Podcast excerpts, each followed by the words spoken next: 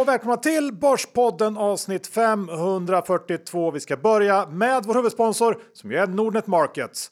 Nordnet Markets är alltså Nordnets alldeles egna utbud av börshandlade produkter. Läs mer om det här under fliken Börs och marknad på Nordnets hemsida. Vi säger tack Nordnet Markets! Då var det onsdag igen John. Det var det och eh, nu börjar det hända grejer på det nya året. Det känns Fast väldigt... ändå inte riktigt kanske. Ja, lite ändå. Första rapporten idag. Ja, Så att, eh, jag är rätt taggad för den kommande säsongen om man nu kan dela upp börsen i det. För det, det händer ju mycket roliga saker och då är Börspodden på plats. det är vi. Alltid. Johan, Dr. Bass Isaksson Index är i 2340, lite tillbakagång senaste dagarna här, men världens börser mår ju bra. Vad är din kommentar? Ja, i det stora hela så gör de ju verkligen det. Men det har varit en lite småsvajig start på året och det känns ju också väldigt rimligt efter den här ursinniga avslutningen på 2023. Eh, men jag tycker inte att det går att dra några som helst slutsatser baserat på liksom den här första veckans väldigt sömniga jullovshandel och eh, det har kommit in lite brus i form av amerikansk jobbstatistik. Börsen blev kanske lite orolig för den här oväntat heta arbetsmarknaden, men det är inte så mycket att fundera på utan eh, nu är det ju inte så länge kvar innan rapportperioden drar igång, vilket man verkligen längtar efter och eh, än så länge så tycker jag att det är ganska få vinstvarningar som kommit in ändå. Eller? Ja, för det har kommit in många omvända vinstvarningar med. Det är nästan 50-50 läge där. Mm, vi kommer prata lite mer om det sen, men jag tänker också att ja, ekonomiavdelningarna kom in här på kontoren i måndags, började grotta med siffrorna. Det kanske kan trilla in ett par vinstvarningar framåt slutet av veckan här när Excel snurrorna fått jobba lite. Ja, faktiskt. Men rapporterna är så nära nu att det knappt är lönt att så. vinstvarna nu. Men oavsett så kommer det snart bli eh, lite mer action på börsen och det ser man ju fram emot. Det gör man verkligen. Ja. Sveriges bästa rapporttrader är sugen. Ja, eh, kanske nej, jag vet inte vad han säger. Men du, 2024 är ju ett speciellt år, det får man säga. Det får man verkligen säga, för du vet kanske vad som är speciellt med 2024 om du har läst kalendern.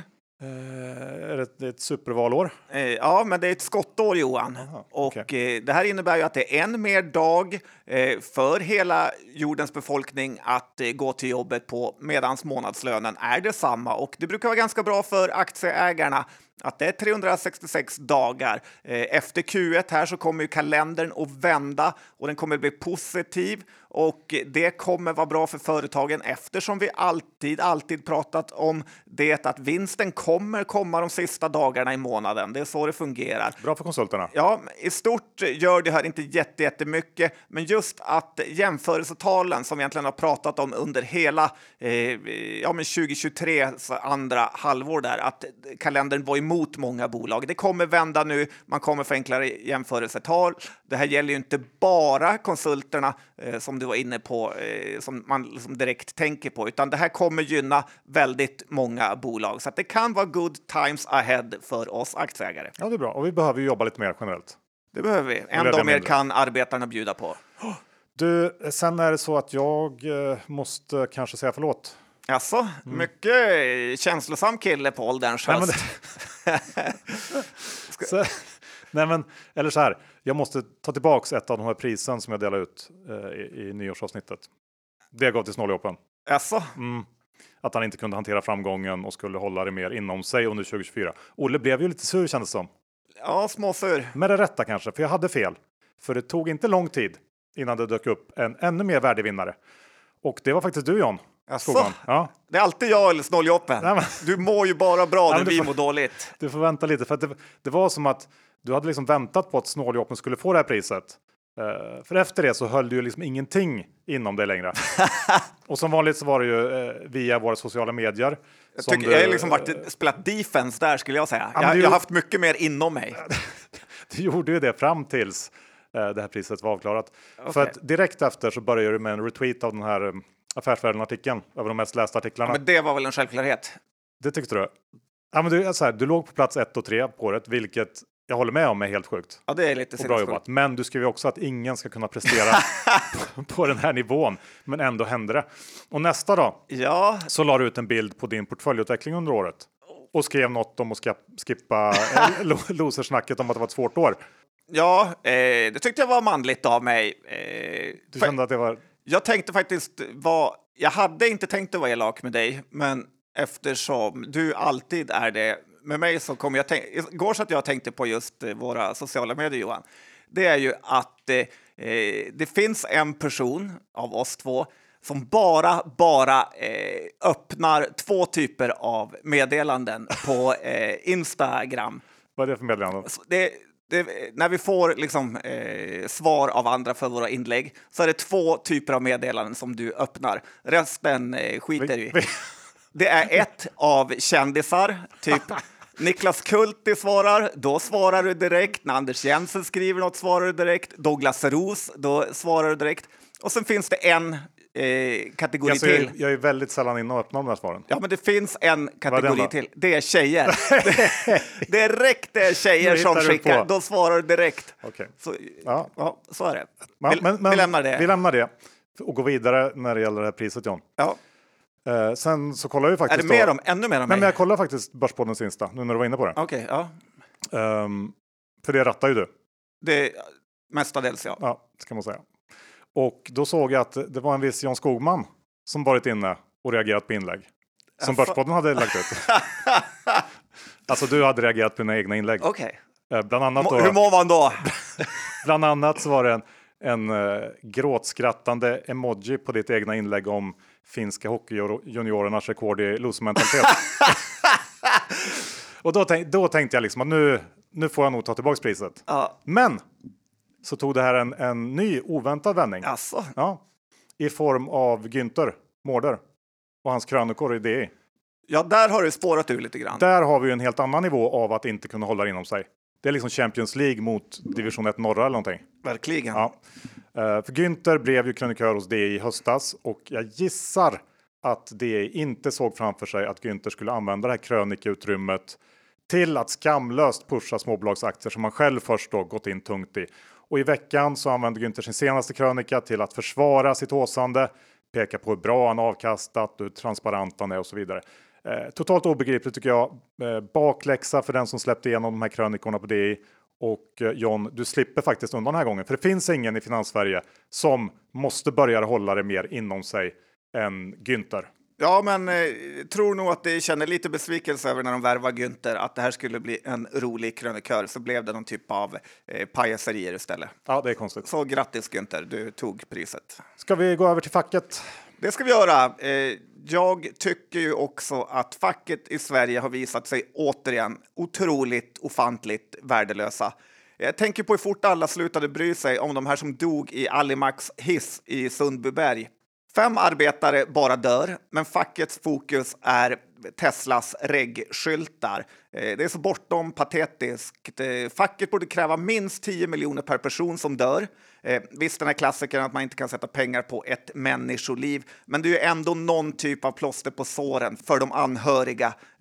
Och ja, istället som jag gissar, det är i Sverige, så får man kanske 30 000 kronor för en sån här sak, vilket är helt horribelt. Svenska facket är lite av ett skämt och att det känns inte som att de är på arbetarnas sida, utan de är på sina egna karriärers sida. Ja, men ja, mm, visst, jag håller med. Ja, kul. Hur är det med oljan förresten? Ja, men den har ju gått ner, kanske du har märkt. Ja, Och eh, ganska mycket faktiskt. Den handlas kring 70 dollar nu. Och det är väl alltid en liten sån här vattendelare om vad man ska tycka om eh, oljepriset. Men i grunden så är det ju faktiskt väldigt positivt. Eh, man kan ju hävda att det beror på minskad efterfrågan för att industrin går dåligt. Men på längre sikt har det alltid varit bra när energipriserna går ner och dåligt när de har gått upp. Eh, den amerikanska konsumenten får mer pengar för de är ju galet beroende av bensin. Det är bra för tillväxtländer som Indien. Eh, och andra stora ekonomier som är stora importörer av olja. Eh, transporter blir billigare, saker blir billigare. Eh, ja, det är väldigt bra när oljan går ner i pris. Eh, nästan de enda det är dåligt för är ju de här jätteonda länderna som sitter på all olja plus eh, Norge och ja, Lundinarna är väl lite så här mellan. Eh, man vet inte, är de onda eller goda? Det får man bestämma själv. Man vet nog innerst inne. men, men det är ju inte därför som eh, bensinen och dieseln har blivit så mycket billigare. Det är inte, Nej. inte i Sverige i alla fall. För det har ju med det här med reduktionsplikten att göra, som har sänkts. Ja, Och det här är faktiskt ett beslut som BP-partiet hade stått bakom helhjärtat om vi hade varit i riksdagen. ja verkligen. Ja. Eh, reduktionsplikten har ju framförallt sänkts då för, för dieseln från 30,5% till 6 Eh, 6% för bensinen också och dieseln blev ju faktiskt 4 kronor billigare sådär vips över en natt eh, tack vare det här för några veckor sedan. Och det här med reduktionsplikten var ju faktiskt en vansinnig och totalt ogenomtänkt hemmasnickrad lösning som hade noll påverkan på några globala utsläpp och egentligen bara bidrog till lite det du var inne på, göra allting lite dyrare. Allt från privatpersoners resande till frakt av olika typer av gods och det viktigaste av allt är ju att reduktionsplikten gjorde noll skillnad när det gäller folks vilja att byta över till elbil. För den typen av beslut grundas ju inte på att dieseln är några kronor dyrare eller billigare. Så att om man vill driva på den utvecklingen så finns det ju mycket mer effektiva styrmedel. Till exempel bygga ut laddinfrastruktur eller kanske jobba med elbilspremier. Men eh, väldigt bra att det här eh, skrotas tycker jag. Ja, det är så vansinnigt dumt när politiker själva eh, tvingar svenska folket betala för deras eh, att verka goda själva. Ja, och nu slipper vi det. Bra, tack för det. Sen John så finns det faktiskt en djävulsk hang-up eh, på sociala medier och kanske media i stort tycker jag eh, på det här att det inte går att driva skolor bra och samtidigt tjäna pengar på det. Ja, det håller du med om ändå? Verkligen.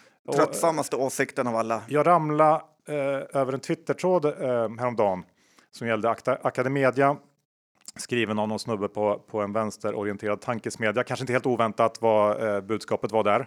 Nej, det var inte Timbro som skrev den tråden. Nej, men den, för den typen av personer så är ju eh, den privata skolan kanske det värsta som Gud skapat och han målar upp en bild av att Academedia styrs av eh, någon slags utländskt storkapital som suger skattebetalarpengar ut ur Sverige Eh, trots att det faktiskt är ursvenska Mellby Gård som är huvudägare.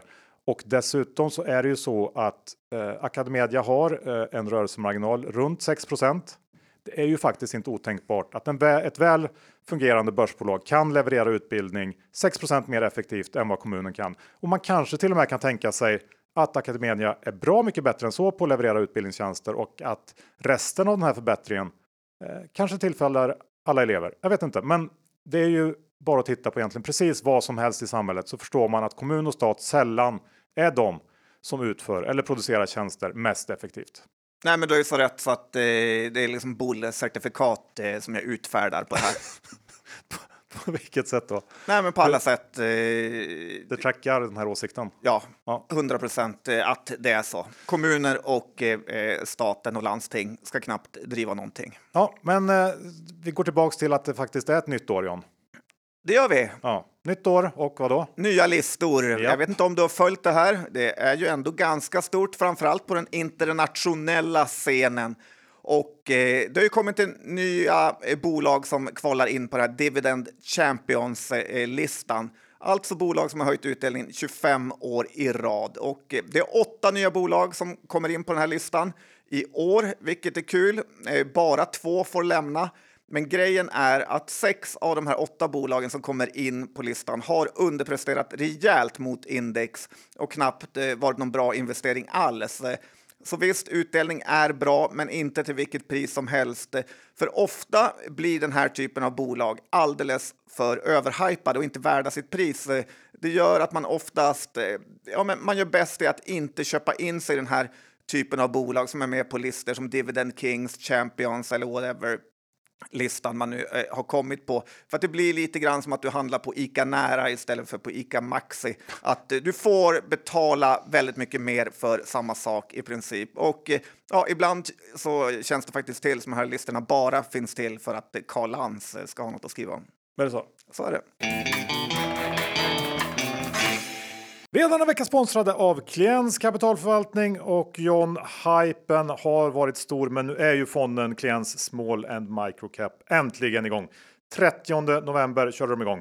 Ja, den har varit igång väldigt kort så att det är meningslöst att prata om någon typ av avkastning ännu. Men Johan, du har ju positiva nyheter att eh, tala om. Ja, men intresset har ju varit väldigt stort. Nu eh, när jag tittar på Avanza så har över 1700 eh, investerare valt fonden efter då bara några veckor. Och eh, fondens namn Kliens Small Microcap avslöjar lite grann om vad fonden ska göra, men jag tänker vi ska fräscha upp minnet lite grann. Det ska vi göra. Av över tusen nordiska småbolag så har förvaltarna Karl och Johanna vaskat fram 40 bolag med de bästa framtidsutsikterna och dessa 40 bolag försöker förvaltarna sedan likavikta i så stor utsträckning som möjligt. Det innebär att hela portföljen gör jobbet och man tar inte så mycket risk på enskilda bolagsval. Och dessutom så innehåller fonden enbart kvalitetsbolag, vilket innebär att de ska ha, kommer du ihåg John? Karls magiska formel. Man älskar den formeln. Ja, 15 i avkastning på eget kapital, 10% vinsttillväxt och 10% vinstmarginal. Den alltså numera berömda 15-10-10 modellen. Och om det här låter som något för dig att investera i så tycker jag man ska gå in på Kliems hemsida eller titta in på Avanza och Nordnet. Small and microcap. Precis, men kom ihåg att historisk avkastning det är ingen garanti för framtida avkastning. Pengar som placeras i fonder kan både öka och minska värde och det är inte säkert att få tillbaka hela det insatta kapitalet. Och med det säger vi stort tack till Kliens kapitalförvaltning. Vi är denna vecka sponsrade av Dagens Industri och John, det är ju ett nytt år och i samband med nytt år, ja, då brukar man ju kanske försöka köra igång med nya vanor. Ja, och det ska man verkligen göra det här året. Ja, och vad tänker vi på för vana då? Ja, då tänker vi på att börja läsa Dagens Industri, perm till perm. Ja, digitalt då, så att säga. Det ska man göra, för ja. då får man den kvällen innan med. Ja, och vi har ju såklart skrapat fram ett kanonerbjudande till alla Börspodden-lyssnare och det är då DI digitalt för bara 19 kronor i tre månader och eh, man kan avsluta när man vill under de här tre månaderna. Och säger man inte upp under den här perioden, då fortsätter prenumerationen med 50% rabatt, alltså 229 kronor i månaden, vilket också är ett pangpris. Ja, men 19 kronor för tre månader. Det går inte ens att dela i tre. Så lite pengar är det. Det är typ 6,33 per månad. Hur sjukt är inte det? Ja, men det är ju för sjukt för att inte testa i alla fall. Och eh, vad ingår då i det här? Jo, det är ju Nordens största affärstidning i digitalt format. Som du sa, man får e-tidningen kvällen innan, man får tillgång till alla låsta artiklar och mycket, mycket mer. Ja, det är bara att signa upp. Ja, vi har varit kunder i en herrans massa år och vill man då testa det här, ja, då går man in på di.se snedstreck Borspodden. Alltså di.se snedstreck Borspodden och det är Börspodden med ett O istället för ett Ö. Vi säger stort tack till Dagens Industri.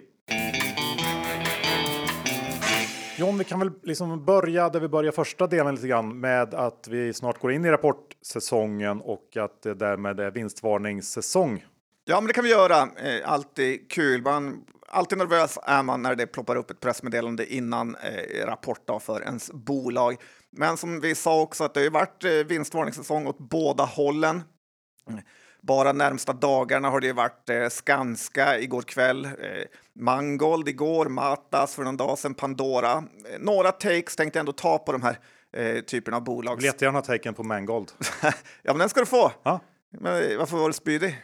Därför att det känns som att det är svårt att ta några takes på vad Mangold gör. Eh, ja, men det gäller andra saker ja, med Johan. Du kan ju lyssna. Ja, jag ska. Mm, och eh, du vet Skanska eh, som var ute och gjorde en sån klassisk nedskrivning. Eh, det, mycket i USA, och det är ju så att Lundberg hatar ju Skanskas USA-äventyr. Det har man ju pratat mycket om och återigen får han ju rätt här. Och frågan är om inte eh, Skanska kommer sälja eh, sin amerikanska verksamhet eh, jag tänker att det ändå kommer hända ja. eh, närmare nu när sånt här händer. Känns orimligt att är där ändå. Och, och Håller sen, ja, vi går in på Men var det en, får bara fråga, var det ens en vinstvarning när man skriver ner så här? Det är ju inte riktigt. Nej.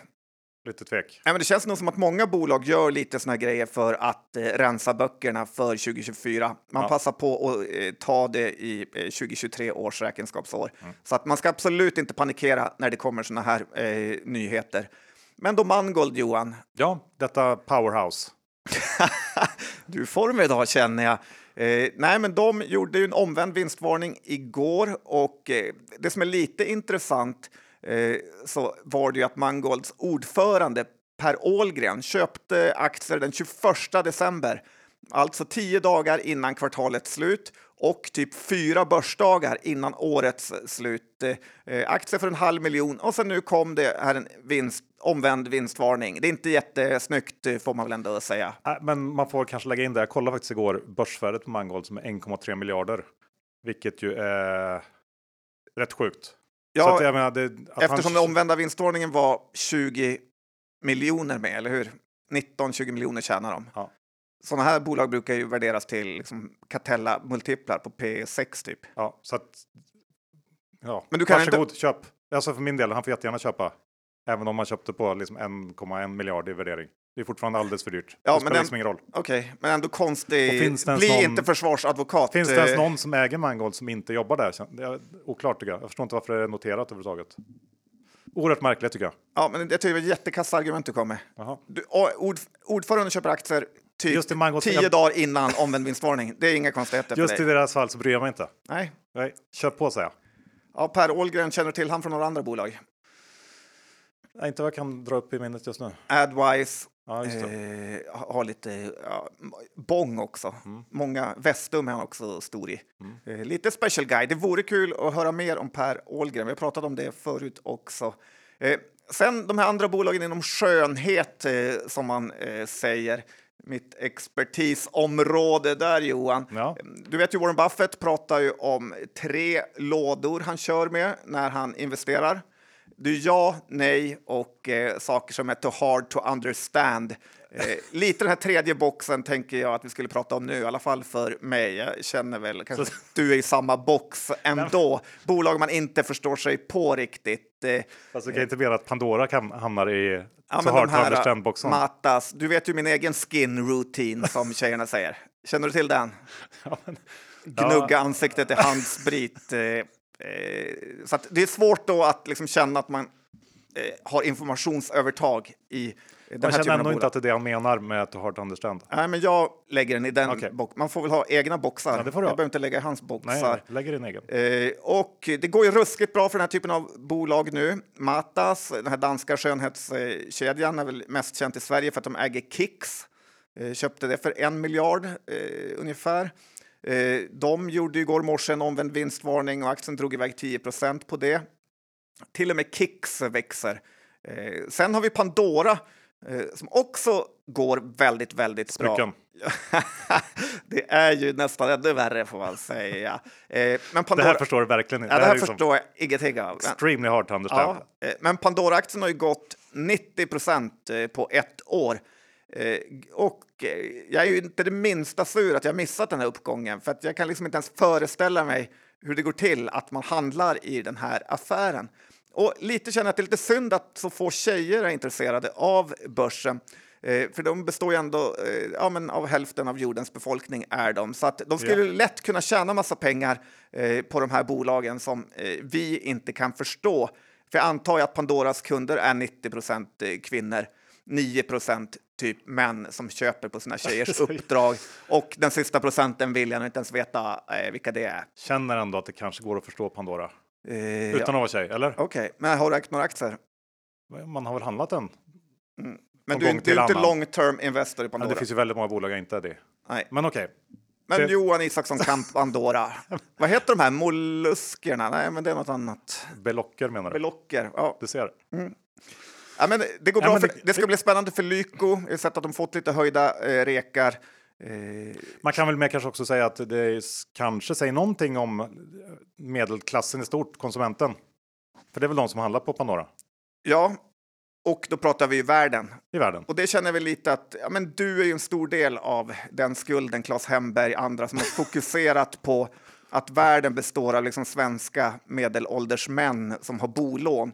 Och därför har man blivit jätte, jättenegativ till hela världskonjunkturen. när det egentligen tuffar på sant. Lite svårt att se bortom Brommas gränser.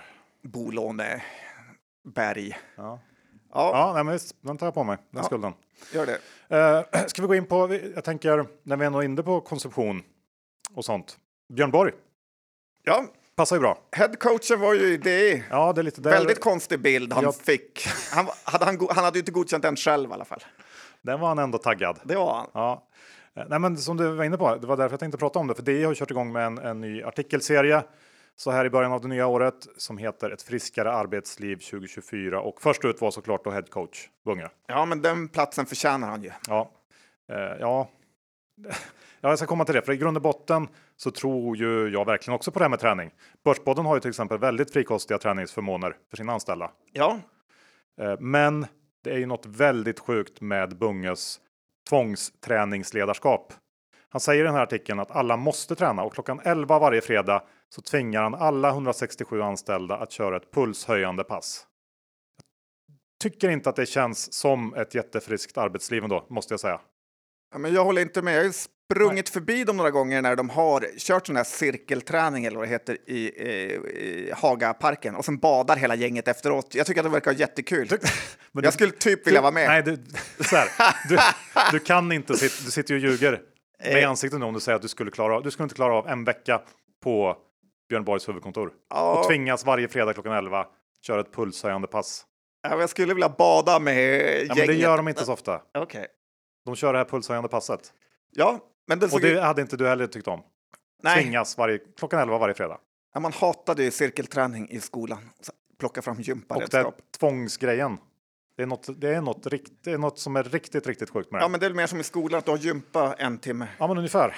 Ska du säga något mer om Borg eller är det bara... Ja, lite, dels, det här tycker jag är en liten varningssignal ändå. Eh, och undrar hur länge man orkar jobba där på ett sånt ställe. De som är kvar kanske Men blir det inte det. lite survival of the fittest? Kanske Alla liksom trötta tanter drar tillbaka till Peab. Kan bli så, men det blir också väldigt en typ av människor kvar. Ja, Eh, och tittar man på Borg i, i siffrorna så har ju 2023 varit ett ganska bra år. Omsättningen har i och för sig stått still, men eh, marginalerna och vinsten är ju upp. Vinsten är upp nästan 25% och aktien är upp nästan 50% på ett år. Eh, är nog ganska rimligt värderat här, givet att de fortsätter så här, växer ensiffrigt kanske och håller i lönsamheten. Men jag sätter då litet eh, varnings eh, eh, vad ska man säga, en varningsmarkering minus kanten för den här tvångsträningen eh, som jag ändå är. Jag tycker inte att det känns sunt. Nej, jag gillar headcoachen och jag tycker när man går på Sats här, man ser väldigt mycket borgkläder, väldigt mycket borgkallingar. Ja, det kanske är en liten revival för Och rätt smart att... kalsongerna. För det är där det handlar om ändå. Ja, det är ändå oväntat att det är så stor del av eh, Björn Borg som är fortfarande kalsonger, att de inte riktigt kan få upp de andra delarna. Skorna gick väl riktigt, riktigt dåligt med. Så är det. Så att det, och det, är ju, det får man komma ihåg att det är ju kalsongerna som är det mesta i Björn Borg. Och du är väl börs-Sveriges kalsongkung? De säger det. Mm. Eh, vi byter ämne igen John och ska prata flyg och där är ju du Börspoddens flygplansexpert. Ja, efter man har jobbat som bagagelastare som eh, sommarjobb så vet man en hel del. Eh, det är Boeing och Airbus har varit mycket i media här. Vet du förresten vilka som är störst? Det känns som att de är lika stora. Ja, bra sagt faktiskt. De är väldigt eh, lika stora. Boeing är lite, lite större i börsvärde faktiskt, men inte mycket. Men de har ju varit aktuella av fel anledning här. Eh, Airbus för att deras plan brann upp i Japan eh, med en krock med ett mindre plan där och att det var en Airbus A350. Men det känns, både om man tittar på börsen och om man tittar ja, men i vanliga media, som att eh, de har fått mest cred för det här, för att alla 380 passagerare lyckades ta sig ut och att ingen dog och att den här A350-modellen på något sätt är byggd för att klara just sådana här katastrofer. Medan Boeing då har ju återigen fått eh, problem med sina 737 Max 9-plan efter det här American Airlines-planet tappar en dörr på 5000 meter. Det hade du inte gillat. Det hade jag. Nej, men- vem hade gillat det? Det är lite min dröm. Att, jo, det är min dröm, Johan. Du säger det, Ja, jag hade... men jag tror inte att du, jag tror verkligen inte det. Du tror inte att det är min dröm? Nej. En av drömmarna, konstiga drömmar. Nej, men grejen är ju att eh, som investerare, man som man ska tänka på då, är ju att nästan inga av de här flygbolagen, alltså air carriers, går särskilt bra eller levererar något långsiktigt aktieägarvärde. Och eh, går inte kunderna bra så är det ganska svårt eh, att långsiktigt gå så bra för eh, Boeing och Airbus också. Visst, många flygbolagen då är ju inte i närheten av så här nordisk megauselhet som Norwegian och SAS. Men även de amerikanska bolagen Drar du ut grafen så ser du att de går inte särskilt bra jämfört med andra branscher. Så det tycker jag man ska tänka på som investerare, att det är viktigt att det även går bra för slutkunden för att man riktigt ska kunna bli ett ja, men, toppbolag. Men man får ju vara tacksam för att de finns. Det får man. Och att det är lite av på med det. oligopol. Det är ju bara de två eh, flygbolagen i princip som eh, säljer flygplan. Ja. Du, sen har det ju hänt grejer i Kambi. Det måste vi ta upp. VD-byte. Ehm, Nyllet is going. precis. Vad heter han? Nylén? Ja, Vad heter han. han? Taskigt sagt. Eh, Var det power move? ja, gräns, gränslandet. Christian Nylén. Ja, men exakt. Och eh, spontana reaktionen är väl att det kanske var dags ändå.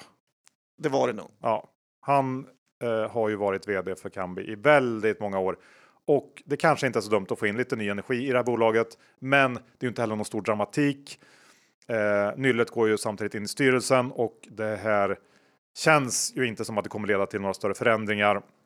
Eh, men det som eh, blir intressant nu är ju att se vem som tar över, vilket ju också är väldigt, väldigt viktigt i det här läget som kan bli när det inte har gått jättebra sista åren.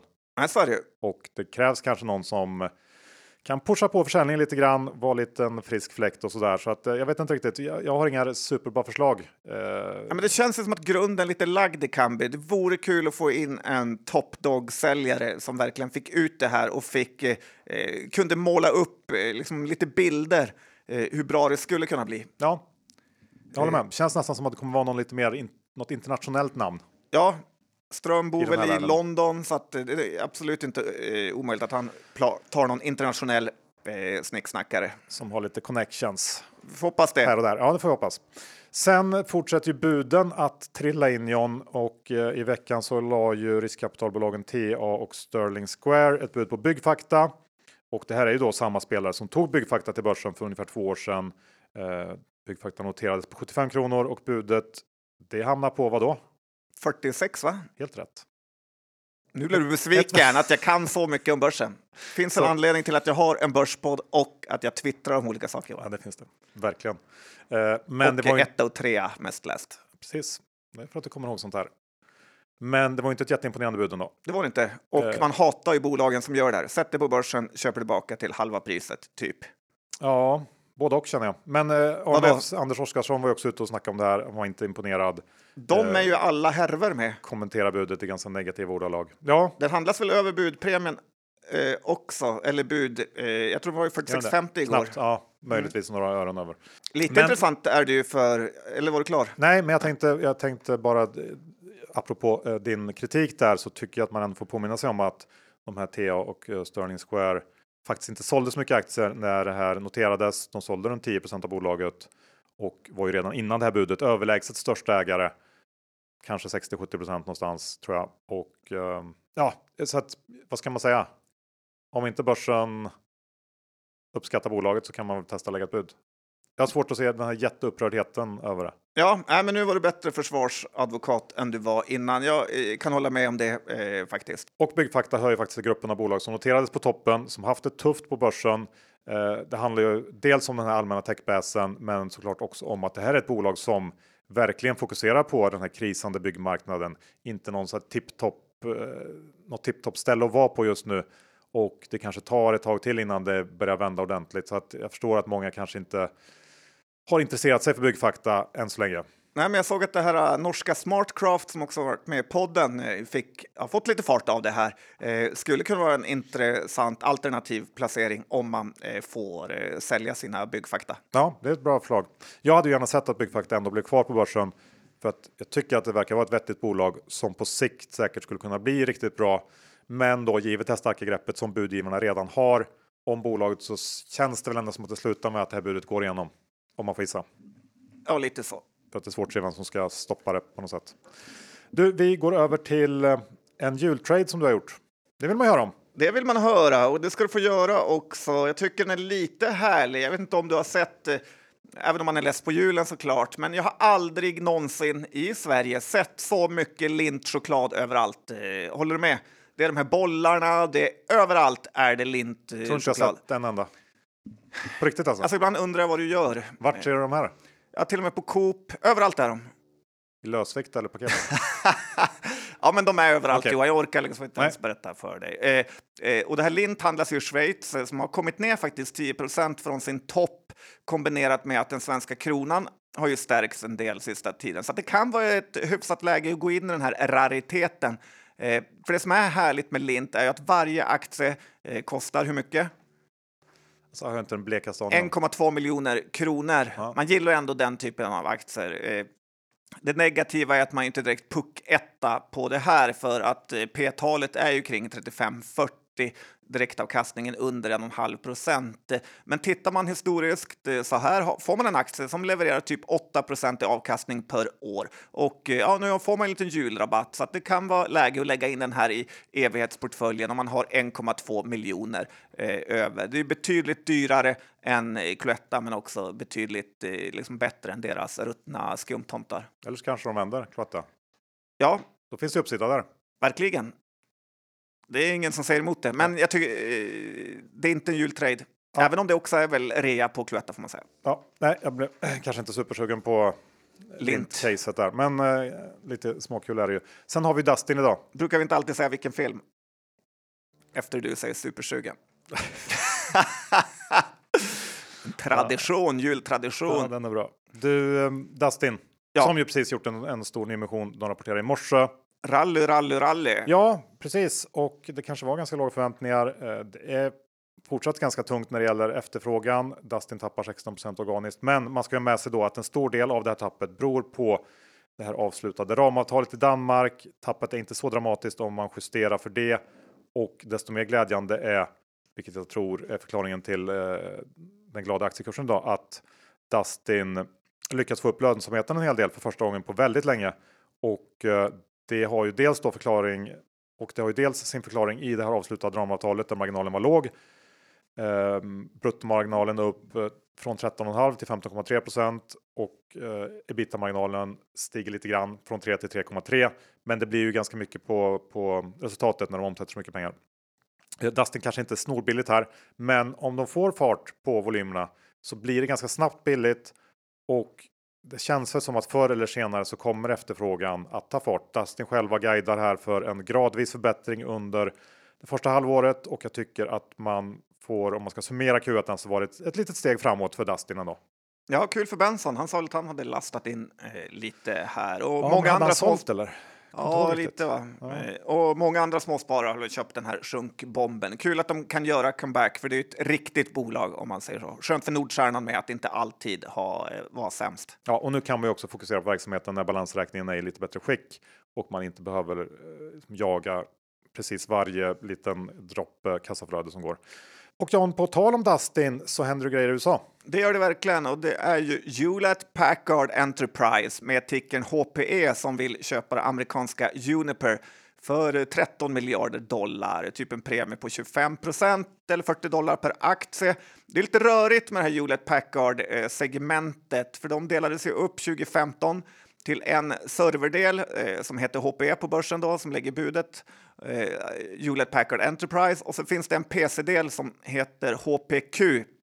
Eh, kommer du ihåg vilka som äger i dem? Eh, det är Berkshire som? Ja, äger en hel del i eh, HPQ Mm. eh, och det är inte då PC-delen som vill köpa Juniper utan eh, helt det rimliga att det är serverbolaget HPE som köper. Men det roliga vilket svenskt eh, storbolag var eh, storägare i Juniper under IT-håsen eh, och i december år 2000 lyckades sälja sina aktier för 150 dollar ungefär eh, ja, innan IT-kraschen riktigt slog igenom. Ja, det kommer jag inte ihåg. Den där kopplar Juniper till Ericsson. Ja, men det precis. Det var ju faktiskt Ericsson som eh, ägde flera procent av Juniper och lyckades eh, kräma ur 1,6 miljarder dollar för eh, sina aktier då, vilket ja, men är ju väldigt, väldigt mycket pengar med tanke på att hela Juniper-dealen nu är värd 13 miljarder dollar. Och sen med tanke på det just som Dustin så kan det vara värt att säga något om den här PC-delen, alltså HPQ att det är ju väldigt låga multiplar på att eh, sälja datorer världen över. Det är en bra bit under 10. Eh, kanske därför Warren har gått in. Samtidigt så ska man inte vänta sig så mycket av någon typ av multipel expansion i bolag som Dustin eller Fractal för den delen. Å andra sidan, Johan, det finns ju alltid ett å andra sidan. Dell, eh, det är en klassiker som har haft en fantastisk utveckling under 2023 och nästan dubblerades under förra året. Eh, Så att eh, gör man rätt så finns det pengar att tjäna. Och återigen så går det ju bra för bolag med ägare av kött och blod där Michael Dell äger 50 procent av det, det bolaget. Just det. Och du var ju, nämnde Fractal kort där, svenska chassibolaget. Där kan man väl också tillägga att det är ju en så liten Sa du spelare. chassi? Ja, datachassi. Chassi. Chassi. Jag har aldrig hört någon säga chassi. Chassi. Okej. Förlåt. Ja. Du, Vissa saker du förlåter jag inte. Du har ändå liksom gott, gott självförtroende när det gäller olika uttalsanmärkningar Ja. eh, anmärkningar, tycker jag. En styrka. Mm, en styrka. Men hur är det med chassibolaget? Chassi. Ja. Nej, men jag tänkte att de, de eh, jag tyckte att du kanske var lite oschysst mot dem. De är ju så, en sån liten spelare, nischad, eh, inriktade mot sina mer spelchassin och vad det är. Och där hände ju också grejer eh, för några veckor sedan när, när Litorina lappade ur sig, alltså riskkapitalbolaget som tog dem till Mm. börsen, kom med en bra rapport i Q3. Eh, där kanske det kan hända någonting. Ja, jag, jag vill inte vara taskig med Fractal. Det var, eh, snart de handlas ju kring eh, P10 nu. Ja. Eh, och att Och det kanske är helt rätt, jag håller med dig. Men eh, jag såg faktiskt igår när jag åkte tunnelbana hem en kille bära en stor eh, Fractal-box. Och eh, de är ju verkligen snygga, så att Fractal gör någonting rätt. Det gör. E- Egentligen skulle jag vilja köpa dem. Jag tror bara att nästa kvartal kommer vara lite svagt. Ja, det känns lite så att det kanske Q3 tog lite av Q4 med lageruppbyggnad och sådär. Men Ja. vi får se. Du, eh, vi avslutar med Ovzon. Det, får- blev tyvärr inget succession moment. det blev det inte, men det blev lite så på börsen. Var Benjamin lite succession, ja. Mm. Ingrosso titta på månen och käka glass. Alltså det, är det referenser till hans låtar så är Ja. jag lost. Tyvärr. det är väl bara barn som eh, kanske kommer ihåg det. Och jag är ju ett Ja. av dem. Nej, men Ovzon 3 uppe i rymden. ja. Det är Grattis. ett, eh, eller gymden kanske man får säga, nu med den här Killing-dokumentären. Har du sett den? Nej, jag har inte orkat. Den är ganska bra faktiskt. Eh, Kanske Ovzon borde plocka in Fugelsang, de hånar han mycket där till styrelsen. Nu när man är uppe i rymden här och eh, det har ju verkligen varit en sån här Cellon News-grej. Före sen raketen åkte upp så har aktien tappat 22 procent här. Finanschefen avgår dagen efter uppskjutningen. Eh, det snackas ju om att bolaget också behöver ta in mer pengar. Eh, hela uppgången är utraderad nu nästan och eh, lite undrar jag egentligen markompatibelt det är att hålla det här finanschefens uppsägning hemlig tills raketen är uppe. Det känns lite för planerat. Stena är såklart ägare här. Eh, tittar man på styrelsen också Johan så är det ju så att det är i princip noll ägande av bolaget. Nästan inte en enda person i styrelsen äger några som helst aktier, så att därför får de eh, styrelsen i Ovzon eh, veckans som inverterade Melker Schörlings eh, pilotpris. Ja, okej. mm. Jag bara tänkte, vilka är det inte representanter kanske från så här Bure och... Jo, två Tiger Sköld och- eh, en Paulsson person. Men av de övriga, typ ordförande och så vidare, så äger de ingenting. Nej. Så där blir Värsta det... försvarar alla. Det är lite söka jobbläger nu, att Johan ska in i storfinansen. Nej, men jag kände bara att jag... Du behövde lite mothugg idag. Okej, ja, det, behöver... Det är väl inte mer än rätt? det är inte mer än rätt.